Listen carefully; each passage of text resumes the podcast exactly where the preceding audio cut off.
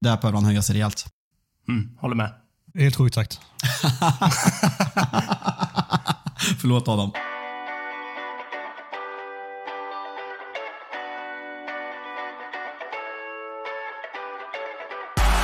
Manchester United score? They always score. Rooney! Oh, wonderful! It's Berbatov!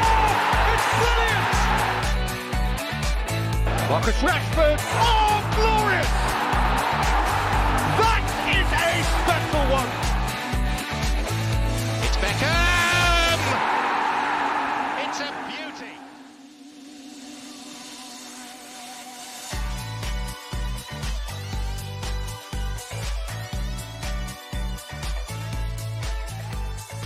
Känn er varmt välkomna till ett nytt avsnitt av United-podden. Podcasten som du inte visste att du längtade efter. United-podden görs i ett stolt samarbete med både den officiella skandinaviska supporterklubben MUS och United-redaktionen på Svenska fans. Det är måndag eftermiddag och Marcus Eriksson har knappt hunnit hem från jobbet när han klickar på räck och ser sådär perfekt frustrerad ut som han ska vara i United-podden.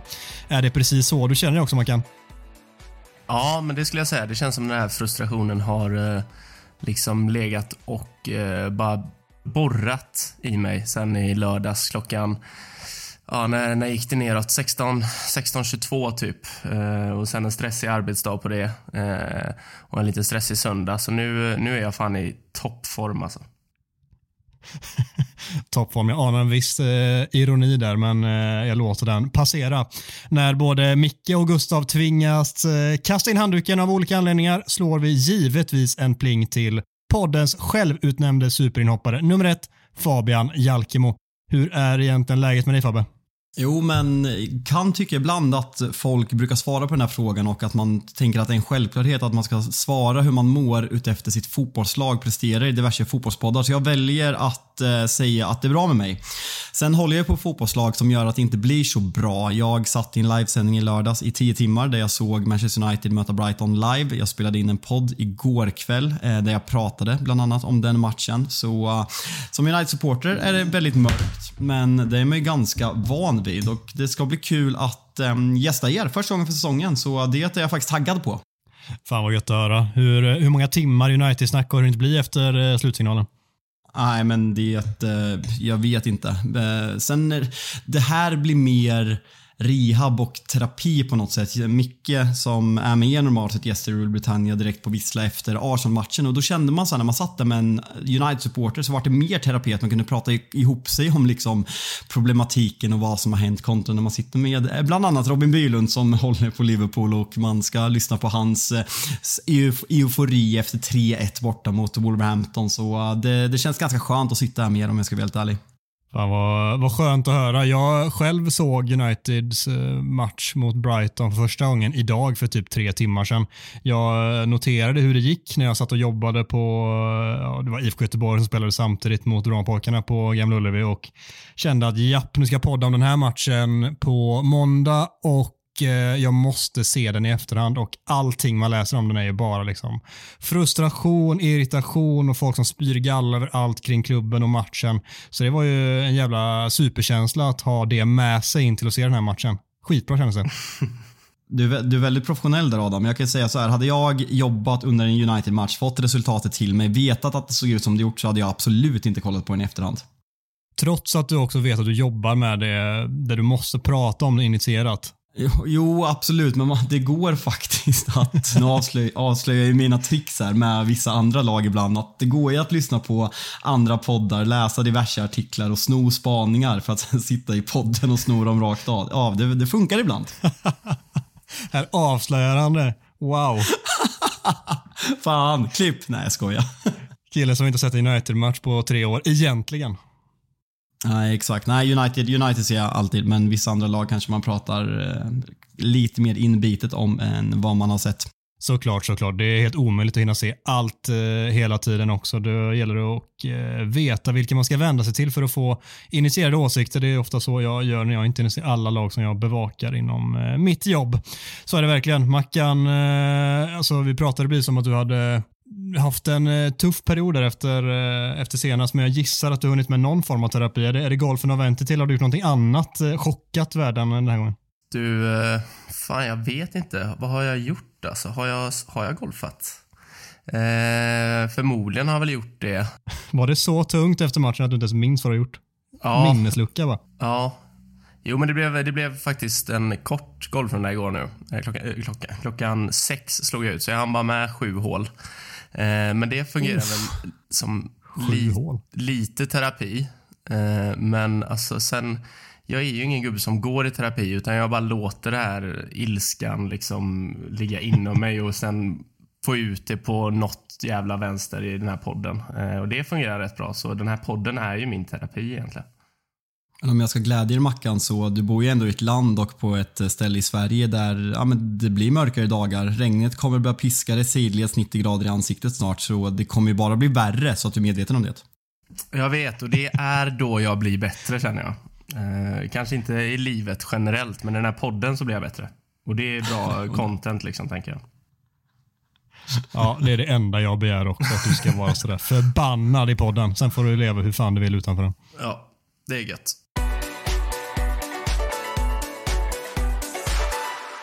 United förlorade blytungt med 3-1 hemma mot Brighton, vilket således också blev den första hemmaförlusten på över ett år, alla tävlingar inräknade.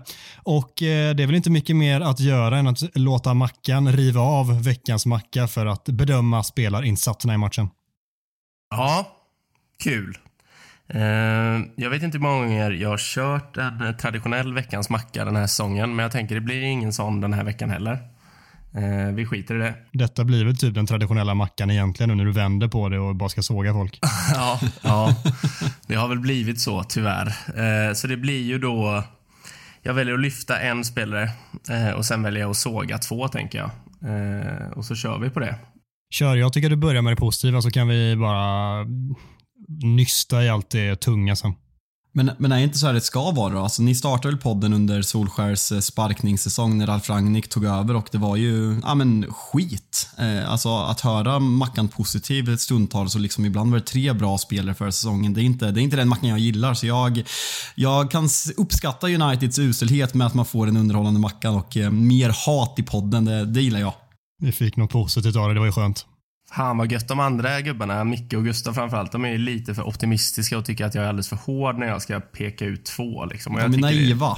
Ja, naiva och lite dumma förmodligen. Eh, Verkligen. Men vi hoppar in i det positiva då. Eh, och något jag absolut inte trodde jag skulle säga eh, när vi gick in i den här säsongen. Men jag tycker att Uniteds bästa spelare mot Brighton är Sergio Reguilon.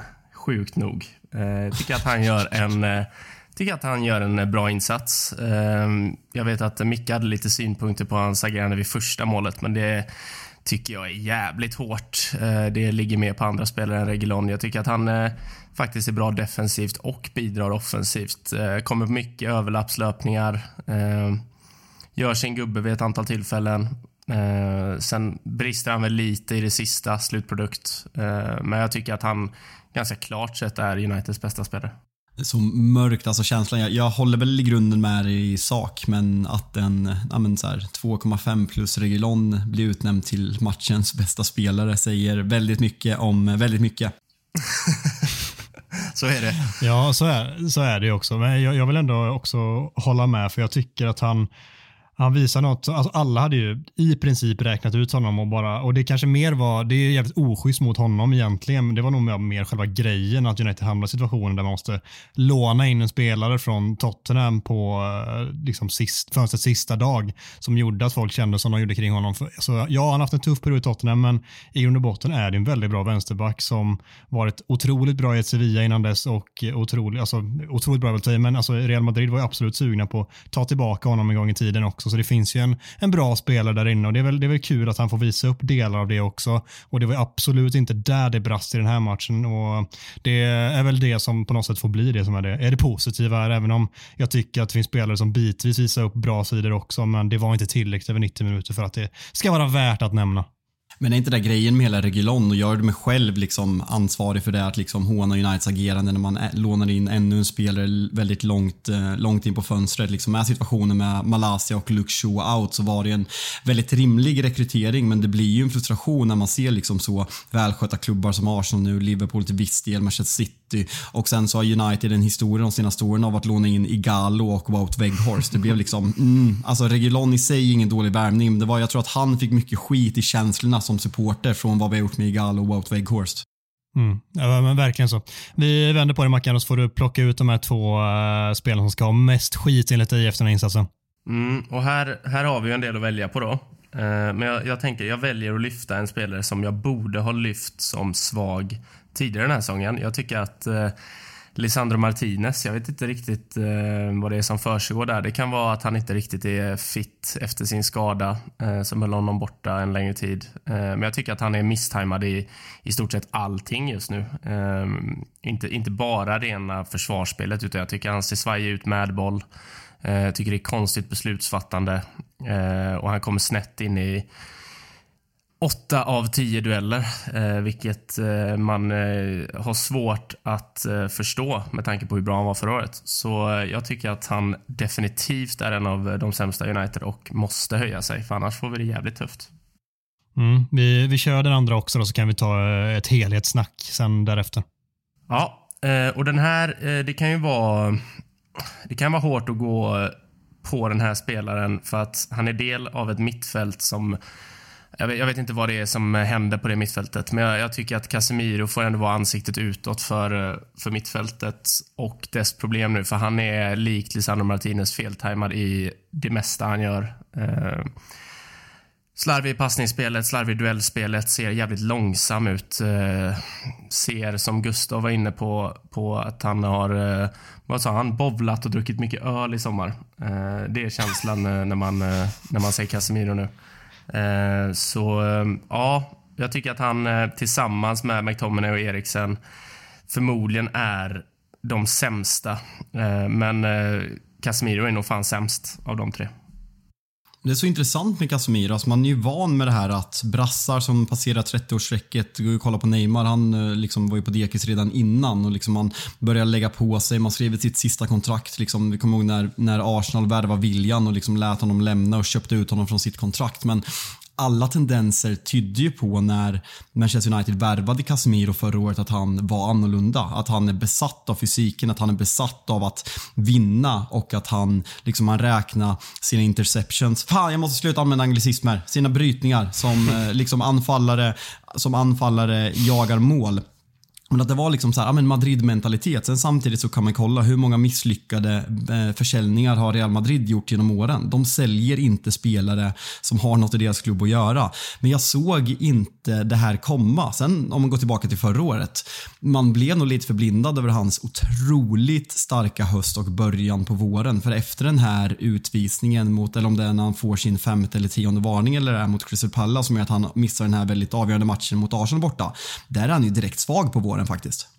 Ja, men verkligen, det har gått skarpt ut för och, alltså, jag, jag, tycker nog fortfarande att det är en, lite att man kan särskilja honom från många andra brassar, just Casemiro, men det är alltså otroligt illavarslande tecken just nu. Jag har inte räknat ut det än, men vi, eh, ja, vi får väl se helt enkelt vad den här hösten tar vägen innan jag dömer ut honom totalt. Oavsett, och jag menar inte att du gör det heller Fabbe eller Macka, men det, det känns som att vissa börjar göra det. Oavsett så eh, vill jag också, så här, du var inne på Martinez där innan, jag tycker att han är en av de sämsta i laget, men för mig är han inte topp två. Jag tycker att Eriksen är på samma usla nivå som, eh, alltså precis bakom Casemiro så kan vi säga. Han är, han är fan värre än Martinez enligt mig och eh, förtjänar att lyftas upp som en av de två sämsta. För han är alltså, han blir omsprungen konstant. Han ser ut som en kona. Klarar inte att röra på sig, missar passningar även han. Det som han ska bidra med då när han inte har det i sig, när han inte har det defensiva i sig, det är liksom spelet med bollen, funkar inte. Alltså det är period, alltså någon passning här och var man ser, fan du är ju bra egentligen, men det sker för sällan och på det mittfältet, helheten då med de två där, så klart som fan vi blir totalt överkörda då. Men om vi börjar med Casemiro, bara en sista sak. Nu beror det väl lite på att United har en väldigt skadedrabbad trupp och liksom Kobe Mino som man hade velat se mer av är skadad. Vi har eh, Mason Mount, även han på skadelistan. Amrabat, även han på skadelistan. Men att Casemiro spelar 90 minuter gånger två i Sydamerika. Var han redo att spela den här matchen med den bristande fysiken han har på försäsongen? Nej, troligtvis inte. Och sen Christian Eriksson. Jag har inte sett en spelare född 92. Han är alltså 31 år hur kan han, alltså han ser ut, han rör sig som en 45-åring. Alltså jag ser smidigare ut på en fotbollsplan, jag har inte spelat på tre år.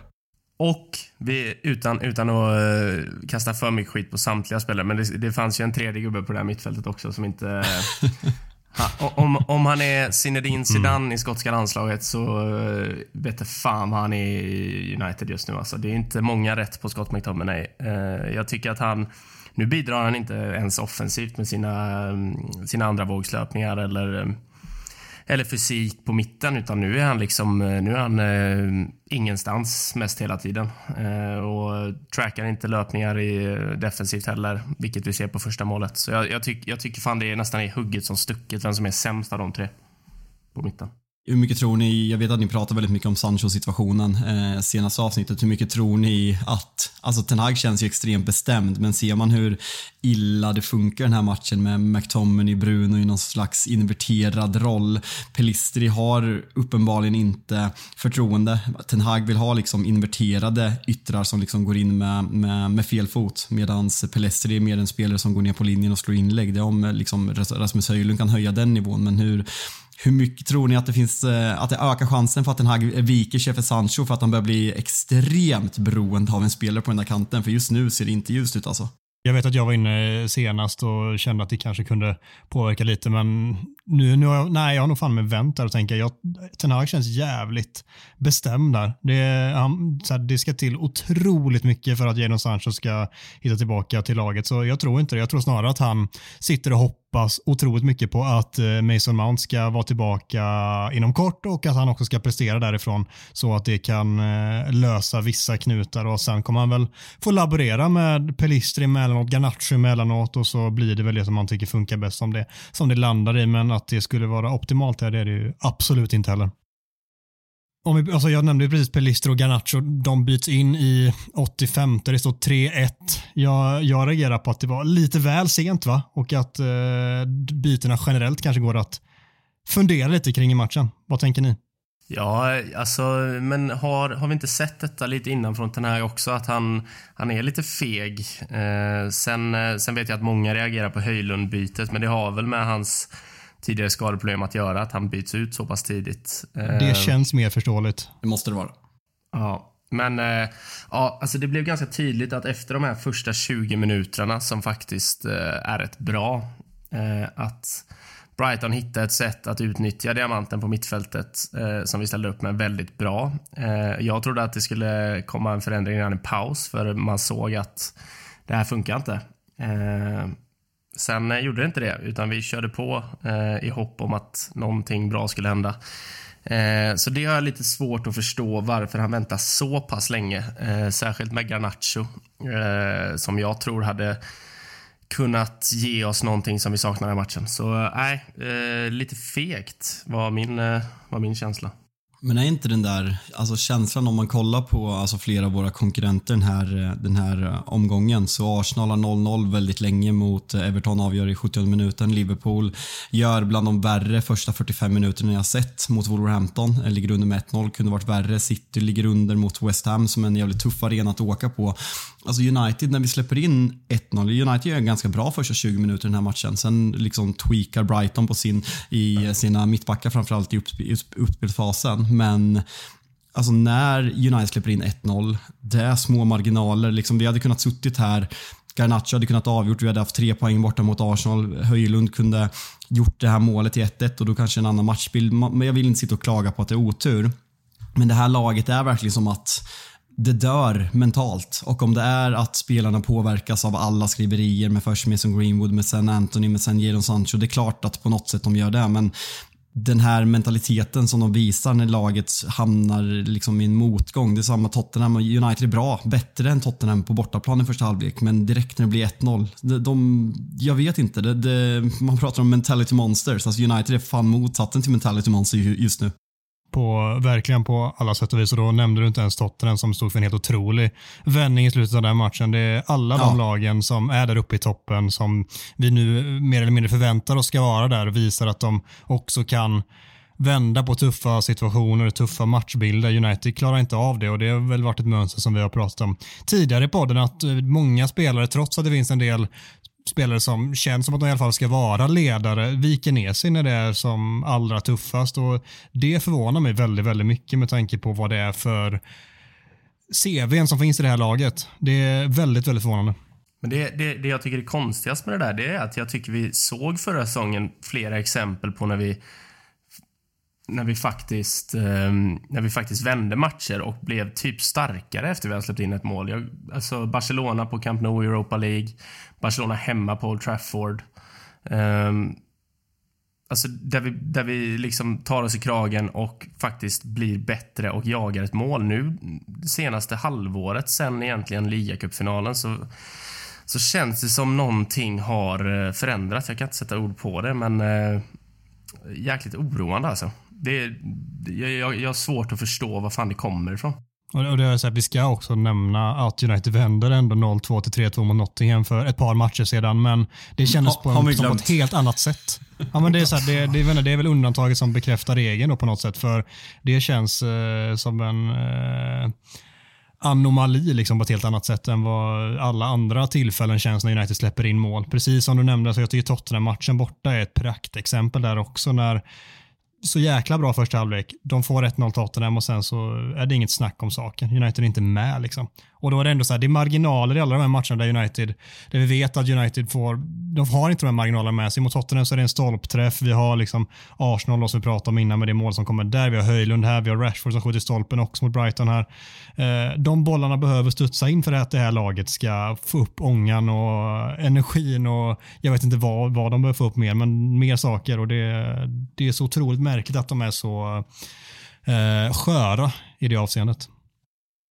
Ja, nej fan jag trodde att det här skulle bli rehab men det här är ju becksvart. Eh, mörkare kommer det bli. Nej fan, jag, jag, jag, tror att ni var likadana. Man gick in på den här säsongen, man kanske blundade lite för att det såg ganska dysfunktionellt ut stundtals i våras. Men en tredje plats, en titel, vi skulle få in en anfallare, han fick Mason Mount tidigt, han fick Onana som skulle förändra vårt spel i grunden och sen så Alltså hybrisen som man går in med en säsong, det är det finaste som finns. Sen kan man håna motståndare supportrar som har hybris. Det, är liksom, det, det, det gillar jag också att göra, men jag, det kändes så fruktansvärt bra att Ten Hag skulle få sin andra säsong, få jobba med dem en hel försäsong utan ett äh, mästerskap. Men äh, jag, jag såg verkligen inte det här komma och det är väl därför man reagerar så starkt tillsammans med alla, alltså om vi tar dokusåpan Manchester United som pågår vid sidan av plan som gör att det liksom känns på, en, på ännu sämre. Det där känns som ett eh, perfekt läge att eh, vika över till veckans Talk of the Town och den första punkten som man spelar på. Just det som du var inne på där. Succésegmentet Talk of the Town är tillbaka med tre stycken påståenden med aktuella ämnen som vi helt enkelt diskuterar huruvida det är sant eller inte. Och veckans första punkt lyder så här. Uniteds spelmässiga start totalsågas. Det är fel. Och Fabbe, du började ju här så jag tänker att du kan få faktiskt eh, börja på den här och ta vid där du avslutade. Alltså i grund och botten tycker jag nog inte att det är fel att kritisera för jag tycker att Eh, alltså ser man till poängen, alltså kolla, vi snackar små marginaler i matcherna mot Tottenham och Arsenal, men sen samtidigt kan du peka på små marginaler till vår fördel i matcherna mot Wolverhampton, där Wolverhampton som är tippade att åka ur av de flesta är eh, ja, men ganska klart bättre på Old Trafford och ska ha en solklar straff på övertid. Du har en 2-0 vändning som såklart är bra, Manchester United mot ett, ja, men också ett 15-16 tippade Nottingham, så United har ju inte varit bra spelmässigt och det är väl egentligen det som, som oroar mig. Och som jag var inne på också att så här, Erik Ten Hags första säsong är bra. Han får sina spelare. Jag, jag lyssnar på The Athletics eh, Talk of the Devil som bland annat Laura Whitwell och eh, Andy Mitten gör. Och då pratade de om så att, att United, alltså speltränarna som United har haft har verkligen fått sina spelare och jag liksom tänkte lite på det där. Och det är så här om vi går tillbaka till Louis van Hals tid. Han värvade liksom, alltså det var verkligen hans spelare. Daley Blint, Di Maria kommer in, Morgan Schneiderlin, Memphis Depay, Marcus Rojo. Alltså tydliga Louis van Hals-spelare. Han gör en bra första säsong och sen havererar det totalt nästa säsong. José Mourinho kommer in tar över Louis van Hals bygge som är helt felbyggt för den fotbollen eh, José Mourinho spelar. Han får värva sina spelare. Han får in Paul Pogba, Lukaku, Matic, Zlatan, Mkhitaryan som liksom är tydliga José Mourinho-spelare. Han vinner sin trippel, även om det är den fulaste trippeln som någonsin har tagits. Sen säsongen efter så går det åt helvete. Ole Gunnar Solskär kommer in, lurar oss alla att han är en bra tränare. Han, får, han, liksom, han börjar komma in på brittspåret där liksom ska värva mentalitet. Harry Maguire, Jadon Sancho, Fambi Saka och så vidare och så vidare. Daniel James ska vi såklart inte glömma. Gör det bra i början, fallerar totalt. Erik Ten Hag kommer in, får värva sina spelare. Jättebra första säsongen, man får upp hoppet, en tredje plats, en titel, får värva sina spelare ännu en gång. Och sen så kollar man på de rivaliserade klubbarna, de bästa klubbarna i fotbolls-Europa, liksom Barcelona som visserligen har eh, havererat och blivit ett skämt de senaste åren, men man har ändå en struktur i klubben. Real Madrid, Liverpool, Manchester City, Arsenal till viss del som börjar komma upp nu med Edu. Det är liksom väl fungerande sportchefer som har en strategi. Vad Manchester United gör, jag vet inte. Man fick in liksom John Murtog och Darren Fletcher på ledande positioner som inte har funnits tidigare, men vad är skillnaden? De värvar Erik Den Hags gubbar. Om, om det här fortsätter gå åt helvete, om Erik Ten Hag får sparken i den här säsongen eller nästa, då kommer vi stå med ett lag byggt för Erik Ten Hag och sen så kommer det in en ny och vi börjar samma, exakt samma liksom hamsterhjul och rundgång ännu en gång. Alltså, jag fattar inte och då landar man i så här, ska en sporting director låta tränaren få exakt vad han pekar på varje gång? Det har varit en lång frågeställning, utläggning. Nej, men jag, jag, tycker det är hyperintressant och det finns så eh, otroligt många vägar man kan ta här. Men det som slår mig väldigt tydligt är att jag tycker att många av de här mest framgångsrika exemplen som då Liverpool och Manchester City, kanske är två av de absolut tydligaste, det är också klubbar där frukten av de tränarnas framgångar har också format klubben. Alltså att City förknippas med den typen av fotboll om just nu är ju för att det är Pep Guardiola som är där och för att han har fått värva alla spelare som han velat värva. Samma sak med Liverpool som har en helt annan typ av fotbollsfilosofi precis på samma sätt där. Och jag vill på något sätt ge den här sportsliga ledningen, även om jag är tveksam, så vill jag ändå ge den chansen till att visa också att det är som att de tänker så och att det är de som har fått chansen nu. Det är de har endast haft en tränare under sig och det är Erik Ten Hag. Och om han får lämna så vill jag ju då i så fall se att de tänker fortsätta i samma spår och anställa en, likn- alltså en tränare som har liknande åsikter och tankar kring fotbollen och att det på något sätt ska sätta sig någon form av filosofi här och det är väl det vi får se då framöver. Jag tycker det är vanskligt att bara värva ut efter varje tränare men det, det, är inte lika fel om du då, om alla de tränare ingår på något sätt inom vad vi kan kalla en röd tråd. Men så har det inte varit tidigare. Alla de här tränarna som du nämner har ju haft vitt skilda eh, filosofier i sättet som de vill spela sin fotboll. Och då är det klart att det finns en trupp som är otroligt splittrad med olika egenskaper som inte passar någon i slutändan.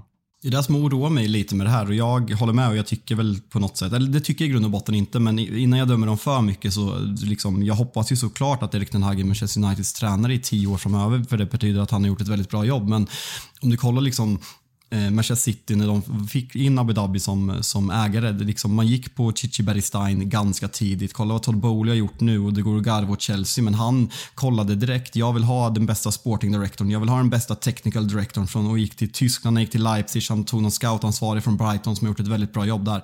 United, Richard Arnold, VD ingen fotbollskille. John Murtog, vad vet vi om honom? Vad har han gjort i sin fotbollskarriär som bevisar att han ska sitta på världens största klubb? Ingenting. Och sen så ska vi såklart hitta in med lite class of 92. Vad har Darren Fletcher visat för att han ska kunna sätta Uniteds strategi för värvningar 2023? Det är det här jag vänder mig emot, att det är fel människor på fel platser. Och där håller jag med Gary Neville att det här ansvarar Glazers för. Folk kan sitta och peka på United har spenderat så och så mycket pengar. Sluta klaga på Glazers. Det är okunnigt för de är ansvariga för att utse rätt människor för att ta de här besluten som ska utse rätt tränare och det är där jag vänder mig emot. Och ett praktexempel på att den här sportsliga ledningen oroar mig. Nu återkommer jag till Anthony, vilket jag ofta gör.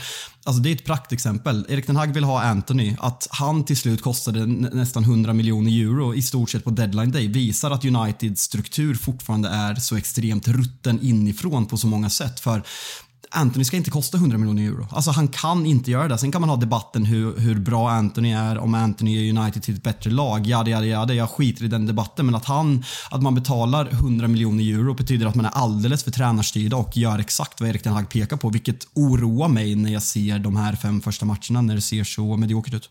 Bra. Det var lite det jag skulle komma in på här. Jag håller med i mycket av det Fabian säger här. Att, uh Alltså hela strukturen, hur klubben är uppbyggd och vilka som sitter på de ledande positionerna är oroande och det är helt sjukt att United är så långt efter. Efter så här många år. Vi har suttit och sagt det här, jag vet inte hur många år. Sju, åtta. Eh, men det här med att vara så, så styrda av Ten Hag tycker jag blir tydligt i Anthony övergången framför allt. Eh, för det, alltså United är en av världens största scoutingverksamheter. Eh, där det är scouter på plats i varenda hörn av världen. Eh, och jag har svårt att se hur man rättfärdigar att betala 100 miljoner euro på en Anthony när det dessutom framkommer att det fanns uppgifter redan innan United värvade honom om eh, saker i hans privatliv som oroar. Eh, så att vara så tränarstyrda. Ah, Ten Hag har tränat Amrabat tidigare. Eh, vi har värvat Martinez från Ajax. Eh, när det var snack om alternativ till Amrabat och bollades direkt Gravenberch upp i Bayern München som Ten Hag har haft i Ajax. Det ska alltid finnas en koppling till Ten Hag och det, alltså det är väl fint att han har sina spelare som han litar på. Det har varje tränare, men man kan inte värva en spelare bara för att man har haft han tidigare. Det, ibland känns det som att vi blir väldigt, väldigt smala i vår rekrytering, vilket eh, jag tycker är sjukt att en av världens största klubbar blir. Ja, det är sjukt intressant spår det där. Vi får vända tillbaka till huvudpunkten. Eh, Fan vad jag svävar iväg. Jag, har en helt annan jag fråga. Jag gillar att du tar, tar det med båda händerna och bara sticker vidare. Men eh, här sätter jag ner foten Fabbe. Uniteds spelmässiga start totalsågas och det är fel. Håller du med om det Mackan? Nej, det är ju tokrätt ju. Eh, det här låter som en, eh, det här låter som en Micke-punkt. Han är, han är lite naiv och optimistisk nu igen. Att eh, så jävla dåligt ser det inte ut. Jo, och, Micke, och dum det, sa vi också förut va? Ja, dum också. Den, den ska han ha. Uh, nej, men jag, jag, tyck, jag, jag, tycker att uh, om, vi, om vi ska vara helt ärliga, United, jag är tveksam på om de ens förtjänar sex poäng. Så uh, det är klart som fan att den här inledningen ska sågas, både resultatmässigt och spelmässigt. För det ser inte bra ut någonstans. Ja, jag håller med. Alltså, det är klart det ska sågas. Nu, nu kommer det låta som att jag tänker försvara United, men det tänker jag inte göra. Men jag vill ändå nyansera det lite också för att hitta någon... För när det ser ut så här så letar jag alltid förklaringar. Vad fan är grejen? Varför ser det ut som det gör? Och eh, för att lida ut lite grann till, för att skydda Erik Ten Hag så tycker jag så här, vi kan också titta på eh, du var inne på det tidigare så vi behöver inte nämna alla exempel igen, men det, alltså, jäv, alltså oflyt i väldigt, väldigt viktiga skeden av matcherna bör räknas in. Vi har Arsenal borta, så tre, gör vi 2-1 här i 90, vad är det, 90-ish och vi kliver in i ett landslagsuppehåll med en 2-1 seger borta mot Arsenal. Det är en helt annan stämning. Det är klart det ser annorlunda ut mot Brighton. Skitsamma, det är om och men. Det är liksom så kommer det vara under säsongen och vi ska, ha bet- vi ska vara bättre förberedda på att hantera det också. Men det går att flika in den typen av grejer hela tiden som jag känner bara, fan kan det gå med oss någon gång? Kan Höjlunds mål vara på rätt sida linjen? Kan Rashfords skott inte gå stolpe ut? Kan det gå stolpe in någon gång istället just nu? För det är precis det det här laget behöver i det här skedet. De behöver något jävla flyt någon gång för att det kanske ska vända lite. Så jag tycker det är värt att lyfta det. Men sen framförallt den kanske mest betydande punkten tycker jag är skadesituationen.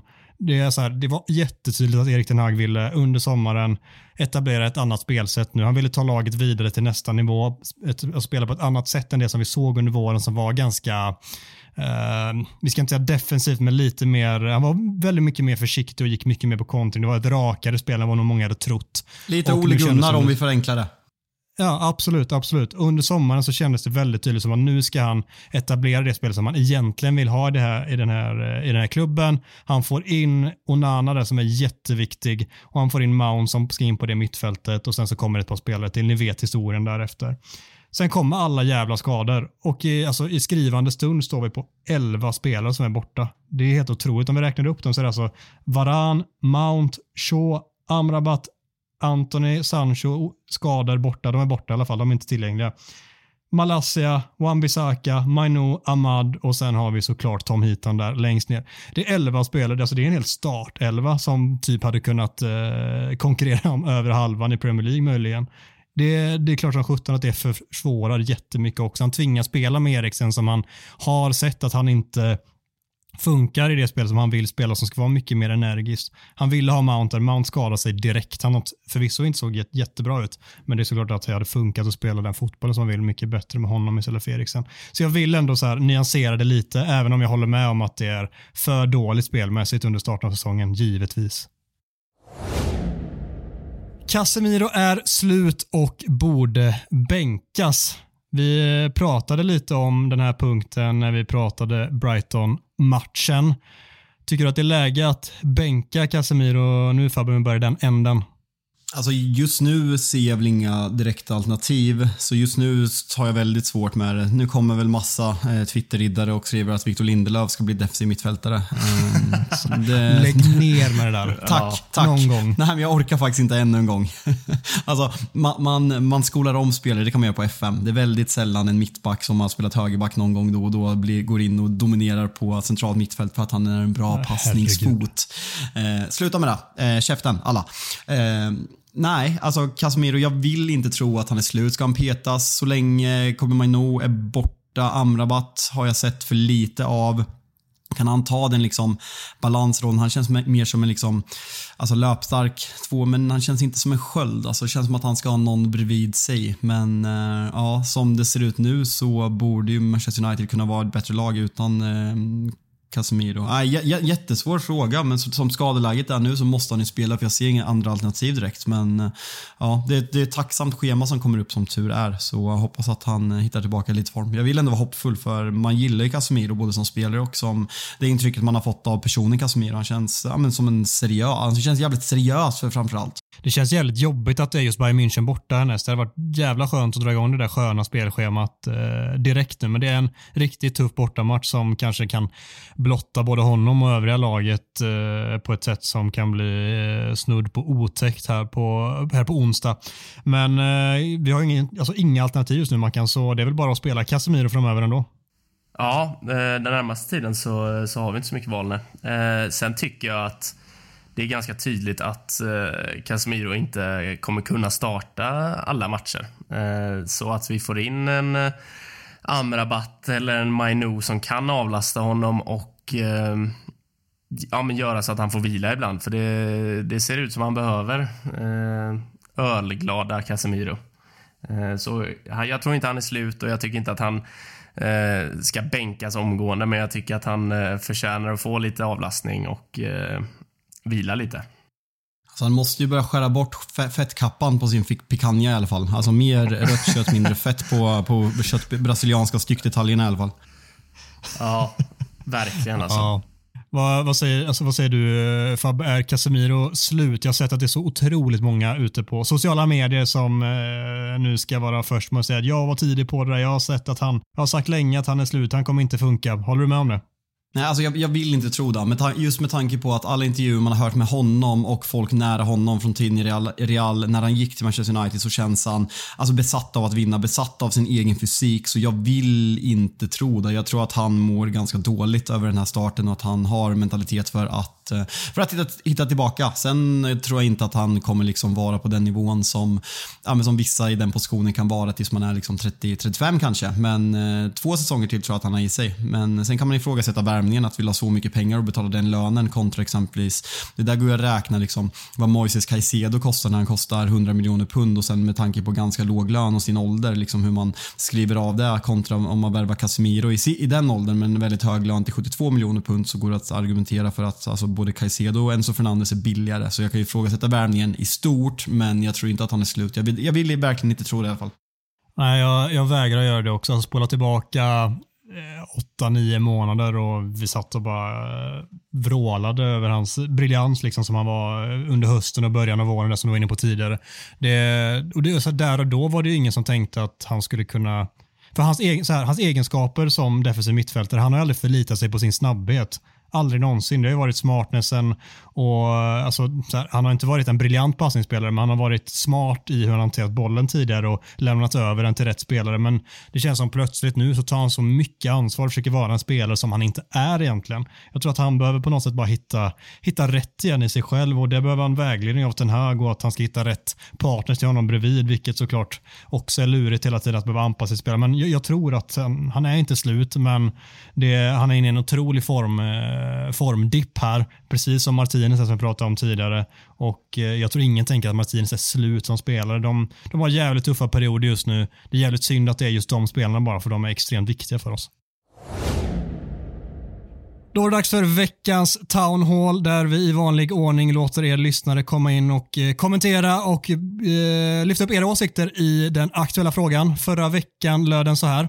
Ligan är körd, det blir inga titlar och en fjärdeplats känns nu som en maxprestation. Där eh, röstade 55,9% ja och 44,1% nej gillar Gustav Kulle när vi använder decimaler. Eh, kan lyfta upp någon av kommentarerna vi fick in här. En kommer ifrån Kristoffer Holmqvist. Han skriver 800 stycken nej och sen är detta en jävla Arsenal eller Spurs-podd eller? Vi kan inte sänka oss till deras nivå bara för att det startat lite knackigt. Det kommer lösa sig. Visst kanske blir värre efter helgen innan det vänder men garanterat topp 4 kommer plocka en titel. Och sen säger även då Jens Ek, han är lite på andra sidan då. Ligan är körd då det är fler bättre lag i ligan. Då har man inte råd att tappa så många poäng. Sen speciellt med allt drama och alla skador hjälper inte heller. Vi får sikta in oss på en femteplats och hoppas att Premier League får den extra platsen i Champions League till nästa säsong. Vems eh, sida står du på här Fabian? Alltså, ska jag skicka lite kritik till er så tycker jag att era, era de här alltså, alternativen är alltid så jävla överdrivna åt de, de, de båda hållen. Ofta, ofta landar ju någonstans mittemellan. Så här. Är topp fyra kört? Nej, det är klart att det inte är kört. Kan vi vinna en titel? Det är klart vi kan vinna en titel. Alltså, folk glömmer förra året. Vi började med två raka torsk i ligan och allt såg åt helvete ut. Och det var domedagsprofetier och sen så kom det igång. Alltså jag, jag är en pessimist i grund och botten, men det finns en kvalitet i det här laget och när spelarna kommer tillbaka från skada, det är klart att vi kan komma topp fyra. Så ska jag säga, jag, jag håller tre lag som ganska solklara eh, favoriter till topp fyra. Det är City, Arsenal och eh, Liverpool. Eh, jag har svårt att se att någon av dem eh, missar topp tre. Sen där bakom är det liksom Brighton som har stuckit ut och sen Tottenham såklart. Men vi får inte glömma att Tottenham är Tottenham och det är en jävla pissklubb. Så eh, jag, tror, jag tror att vi kommer topp fyra. Jag håller med om allt förutom din eh, peak Den var jävligt onödig. Det är klart vi ska spetsa till påståendena så att det blir sköna diskussioner ute. det är bra, jag gillar det. Veckans Town den lyder så här. Om United missar Champions League-slutspel borde Ten Hag få sparken. Kom en till spetsig här. Vad säger Mackan? Nej, det tycker jag inte. Det tycker jag hade varit väldigt hårt. Eh, sen tycker jag att eh, Ten Hag har frågor att besvara och eh, att han bör få kritik för en del saker. Framförallt tycker jag att spelet hackar lite för mycket och eh, som jag varit inne på tidigare att jag saknar lite tydliga mönster i det. Eh, och att han är lite inkonsekvent i, eh, i sin hårdhet kring vissa spelare. Eh, Anthony är en favorit som får chansen mycket eh, oavsett hur det ser ut. Eh, så jag, jag, tycker att han har gjort mycket, mycket, mycket bra grejer. Jag tycker att han har gjort en del svaga grejer. Eh, men jag tycker definitivt att han eh, ska få förtroendet att leda United minst den här säsongen ut. Absolut minst.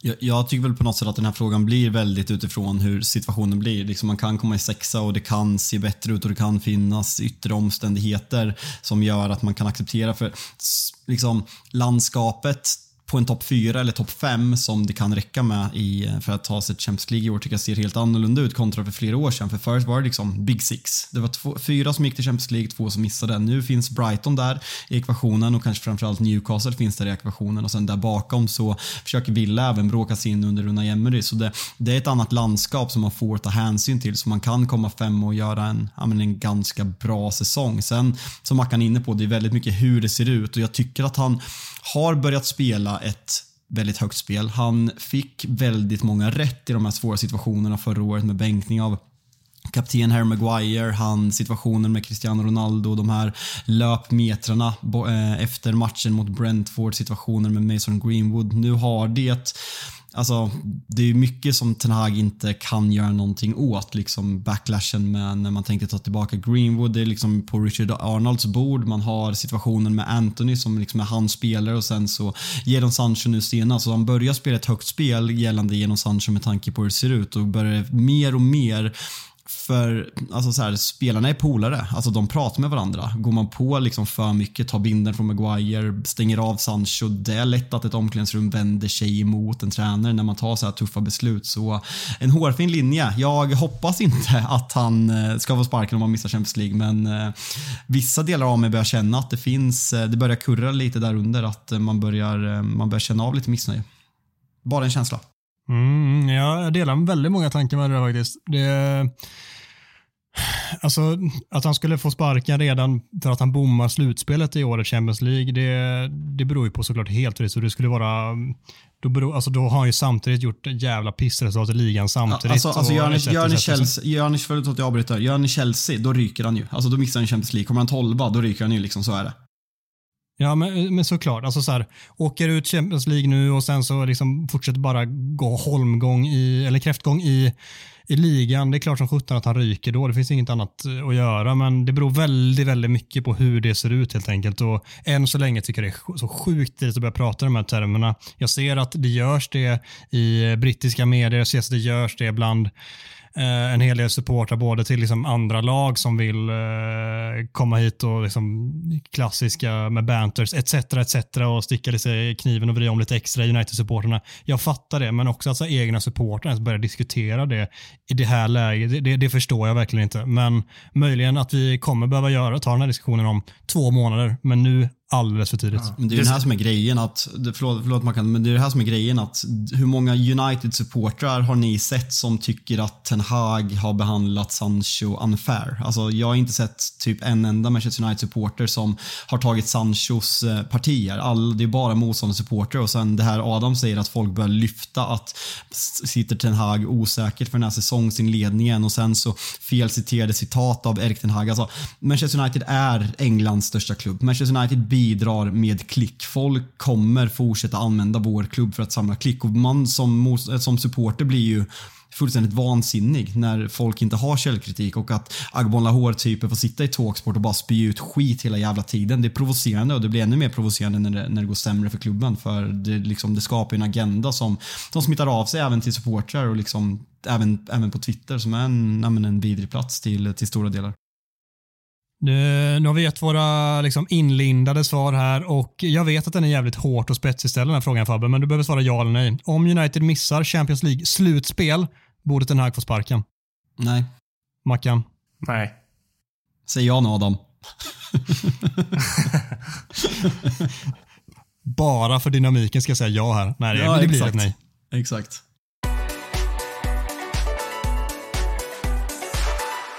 I veckan väntar dubbla United-matcher och då tar vi givetvis avstamp i bägge två. Först ut är en riktig smällkaramell i form av säsongens första Champions League-match mot Bayern München på bortaplan på onsdag kväll. Vad väntar oss där egentligen, Mackan? Du, min spontana tanke är ju ett helvete. Det, det är det jag tänker liksom. Eh, och eh, det känns ju inte jättebra. Samtidigt är det väldigt kul att Champions League drar igång och att United faktiskt är med. Det är ju inte varje år det händer, tyvärr, längre. Så det känns ju kul. Eh, och nu är det ju så att det här motståndarkollen har landat på mitt bord. Eh, och Gustav, han är väldigt eh, seriös i sina motståndarkollar och kollar statistik från 1904 och ibland även 1800-talet. Jag tänker att det är trist. Det är tråkigt. Det orkar jag inte med. Eh, så jag går helt på volley här nu och bara kör rakt av. Jag hoppas att det är okej. Okay. Ja, ja, kör din jag, jag, jag gillar volley. Gött. Nej, men eh, för det första då. Eh, när man går på volley, då har man inte koll på någonting egentligen. Eh, och jag vet fan inte när vi mötte Bayern München senast, men det känns Kan jag ju säga, som att... det är David Moyes va? Ja, jag tänkte precis 20, säga det. det... Evra. Evras mål på Allians. Eh, när ja. vi fick vara glada i, eh, jag tror att det är 72 sekunder. Ja. Müller kvitterar tror jag sen. Vi, ja. vi kom, det, det, jag kommer ihåg från det dubbelmötet är också när Danny Welbeck kommer fri från halva plan och ska chippa Neuer. eh, det lyckades han inte med. Danny Welbeck. Eh, så det var alltså senast vi mötte dem och då, då, är det tio år sedan nu då till våren här. Eh, så det var väl på tiden att, eh, att vi får möta Bayern München igen. Eh, och vad finns att säga om Bayern München som inte redan alla vet? Eh, det är Harry Kane på topp, det är Sané Gnabry och eh, oftast en Musiala bakom där. Eh, Så det är, det, är, det, är, det är ett väloljat lag med Thomas Tuchel vid, vid styret som, eh, som vet hur man ska spela. Eh, har väl inte riktigt fått det att fungera hundraprocentigt under Tuchel än, men eh, det är ett jävligt bra lag. Och om, om jag hade fått välja på förhand vilka jag absolut inte ville ha från första sidningen i eh, lottningen så hade jag sagt Bayern München. Eh, så det blev ju kul att vi fick dem. Eh, men de har inlett ligan med tre vinster, ett kryss. De kommer ju vinna. Det är, det är liksom Bundesliga kan man ju räkna ut vilka som kommer vinna redan innan säsongen startar. Eh, så ja, jag går in till den här matchen med väldigt låga förhoppningar, eh, men samtidigt lite kul att det är Champions League igen. Det är härligt. Ja, det, det, det är bra Mackan. Vi kan, vi kan flika in ett par grejer. Senaste matchen 2-2 mot Leverkusen som de då toppar ligan tillsammans med BK Häckens nästa motståndare för övrigt för att sätta det lite i kontraster. Men eh, framförallt så saknar de ju tre spelare i form av just Neuer som du nämnde. De saknar Kingsley Coman och de saknar eh, Rafael Guerreiro som de värvade från Dortmund i, i somras. Eh, tre spelare saknar de, vi saknar elva. Fan vad gött. Nej, men alltså, kollar man på det här laget. Sen, sen måste jag säga att det är ett, eh, alltså United är jättestora favoriter att, eh, att gå vidare. Eh, trots att man möter Bayern München. Och sen man gjorde om den här eh, Champions League-sidningen, att varje, varje mästare är första sidat så spelar det ju inte lika stor roll som det gjorde för fem år sedan att komma tvåa i gruppen. Så jag, jag kan verkligen uppskatta att Champions League på något sätt ska ju vara att möta de här typen av lag och det gör något extra med det när man ställer, ställer sig mot Barcelona, Bayern München, Real Madrid och lag man inte möter så ofta. Och vi har ju även kopplingen från, från flygkraschen i 58. Två klubbar som respekterar varandra väldigt mycket. Eh, bra band mellan supportrar. Eh, så jag, jag ser fram emot den här matchen även om, det så, även om man går in med den och inte förväntar sig någonting så, så ska det bli kul att ställas mot eh, yttersta världsklassnivå för jag tror att Bayern München efter City är faktiskt oddsfavoriter att vinna Champions League i år. Mm. Alltså, alltså verkligen, jag ser fram emot det skitmycket. Det låter helt sjukt, för som vi säger, det är alltid upplagt för att det ska gå åt helvete för United den här matchen. Men det är de här matcherna vi vill spela också, det här vi har längtat efter. Det var det vi fick en liten, liten smak, ett litet smakprov mot Barcelona förra säsongen i Europa League. Vi vill ju ha de här stormatcherna mot de bästa lagen. Det är inte drömläge att få den just nu, men som du också är inne på Fabbe, vi, vi ska kunna lösa det här alldeles oavsett hur det går i den här matchen. Så vi vill bara försöka omfamna det hur svårt det än kan vara. Fabbe, du får väl eh, stå för tipset på den här matchen så får Mackan ta nästa match som vi går igenom sen. Alltså ska jag vara ärlig eller ska jag vara United? Ni brukar alltid tippa vinst. jag tycker att du får, du, får, du får välja en väg och så motiverar du den för oss sen. Alltså jag, det är dumt att ljuga. Eh, jag tror Bayern München vinner med 3-1. Eh, alltså Bayern München är ett ja, men helt otroligt fotbollslag. Fått in ja, men talismanen de saknade efter att ha sålt Lewandowski till eh, Barcelona. Man spelade som alltså, Choupo-Moting förra året. Nu har man fått in, enligt mig, världens bästa nummer 9. Där bakom Sané, Thomas Müller spelar helgen, Gnabry, Musiala, en av världens största talanger, kommer in. Centralt mittfält med Goretzka, Kimmich, Upamecano, Kim Minje ja, men, och sen De Ligt. Ja, men han på bänken. Ja, men, ja, ni hör ju. Jag, jag tror inte United har en chans i den här matchen. Hemmaplan, absolut, men inte på bortaplan, tyvärr. Jag är ändå glad att du säger att vi gör ett mål. Vem gör det målet då? Äh, det är ju, det är ju Reguilon. Såklart. ja. Trodde du skulle ja, säga Martial. vänsterback som gjorde det. Ja, exakt. Om det, gjorde, om det var vänsterback som gjorde det senast vi mötte dem bortaplan. Om det nu var senast, vi får väl brasklappa för det så får det väl vara det nu igen. Men är inte det, alltså Rashfords straff mot PSG är ju det största måljublet jag har haft sen Ferguson slutade. Men det här Evra-målet är ganska tydligt tvåa skulle jag nog ändå säga. Ja, det är nog det. Kan, alltså så här, Jo, men det, det är det nog. Jag, jag försöker fundera och alltså jag jublade ju jävligt högt när United vände mot Barcelona förra säsongen också, ska, ska erkännas. Men eh, då, ja, jag var på plats. Med, ja, då hoppas jag att du skrek. Ja, det, det, var, det, var, det var ras två rader ner. Kan, kan inte, det här är kul faktiskt, ni som lyssnar på podden, kan inte kommentera vad vi har på störst måljubel efter Ferg, post Ferguson? Eh, så får vi lite andra bud på det. Ge oss en, ge oss en topp tre där. Det vore jävligt skoj. Får jag slänga in min uh, bubblare till den uh, diskussionen? Mm. Vi har ju Anthony Martial mot Everton i fa Cup semifinalen 20... 16 va? 16, är det 16? Ja, ja 16 ja, är det 15. Ja, då Macke, var det. Mackan, det, är du, det är du som är quizmaster, det är du som ska kunna det här. Ja, ja det är väl dåligt. Men de där åren äh, vävs jag tror samman. Att det är, jag, tror att det är 16, jag tror att det är 16. Ja. Där, Ganska alltså, säker. Då, det var ett sånt jävla avgrundsvrål från min sida alltså. Uh, wow. Ja, nej, men den, den är bra. Ja. Den är bra. En bra shout. Kom in med era, era listor hörni. Det vore superkul. Därefter, precis tre dygn senare, väntar Burnley på bortaplan på lördag kväll. Vad vill du säga om Vincent Company som andra Mackan? Superhypade Burnley ändå. Är det Premier Leagues bästa nykomling genom tiderna, eh, som det snackades om i somras? Det tror jag inte efter deras tre första matcher. Eh, vad har de? 3-11 i målskillnad. Noll poäng. Eh, och det ser väl, om vi ska vara helt ärliga, inte särskilt bra ut någonstans egentligen. Eh, så nej, även om United ser skit ut så blir det tre poäng på lördag. Det tror jag vi kan konstatera redan nu. Eh, och det var min motståndarkoll på Burnley, för jag gillar inte dem. Vi, vi, ponerar 0-5 mot Bayern München och två nya skador. Kommer du fortfarande vara helt säker på att vi vinner mot Burnley? Nej, det, kommer jag ju fan inte vara, men eh, för stunden är jag det.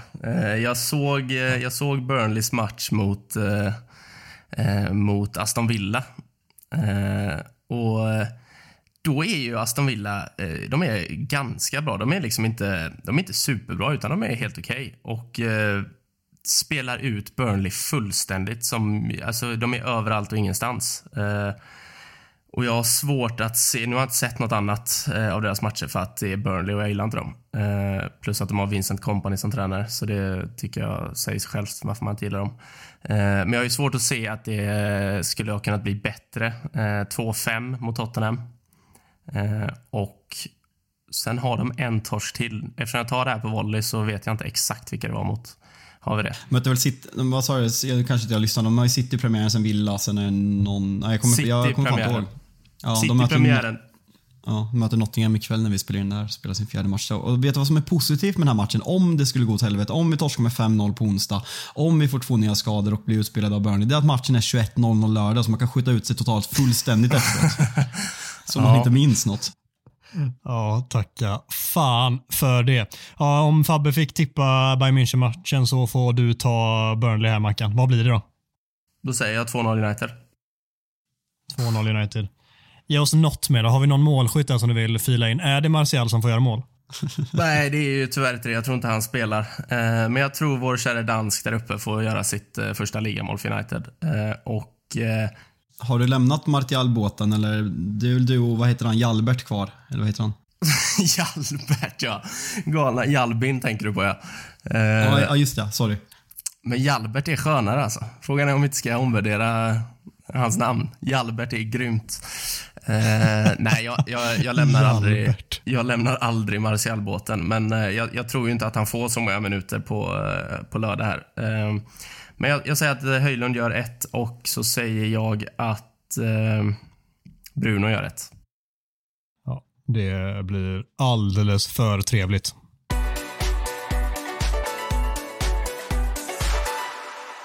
Vi har ett par lyssnarfrågor att lyfta in innan vi bommar igen butiken för den här veckan. Och eh, Den första kommer från FPL Controller som jag tycker att Fabbe ska få svara på.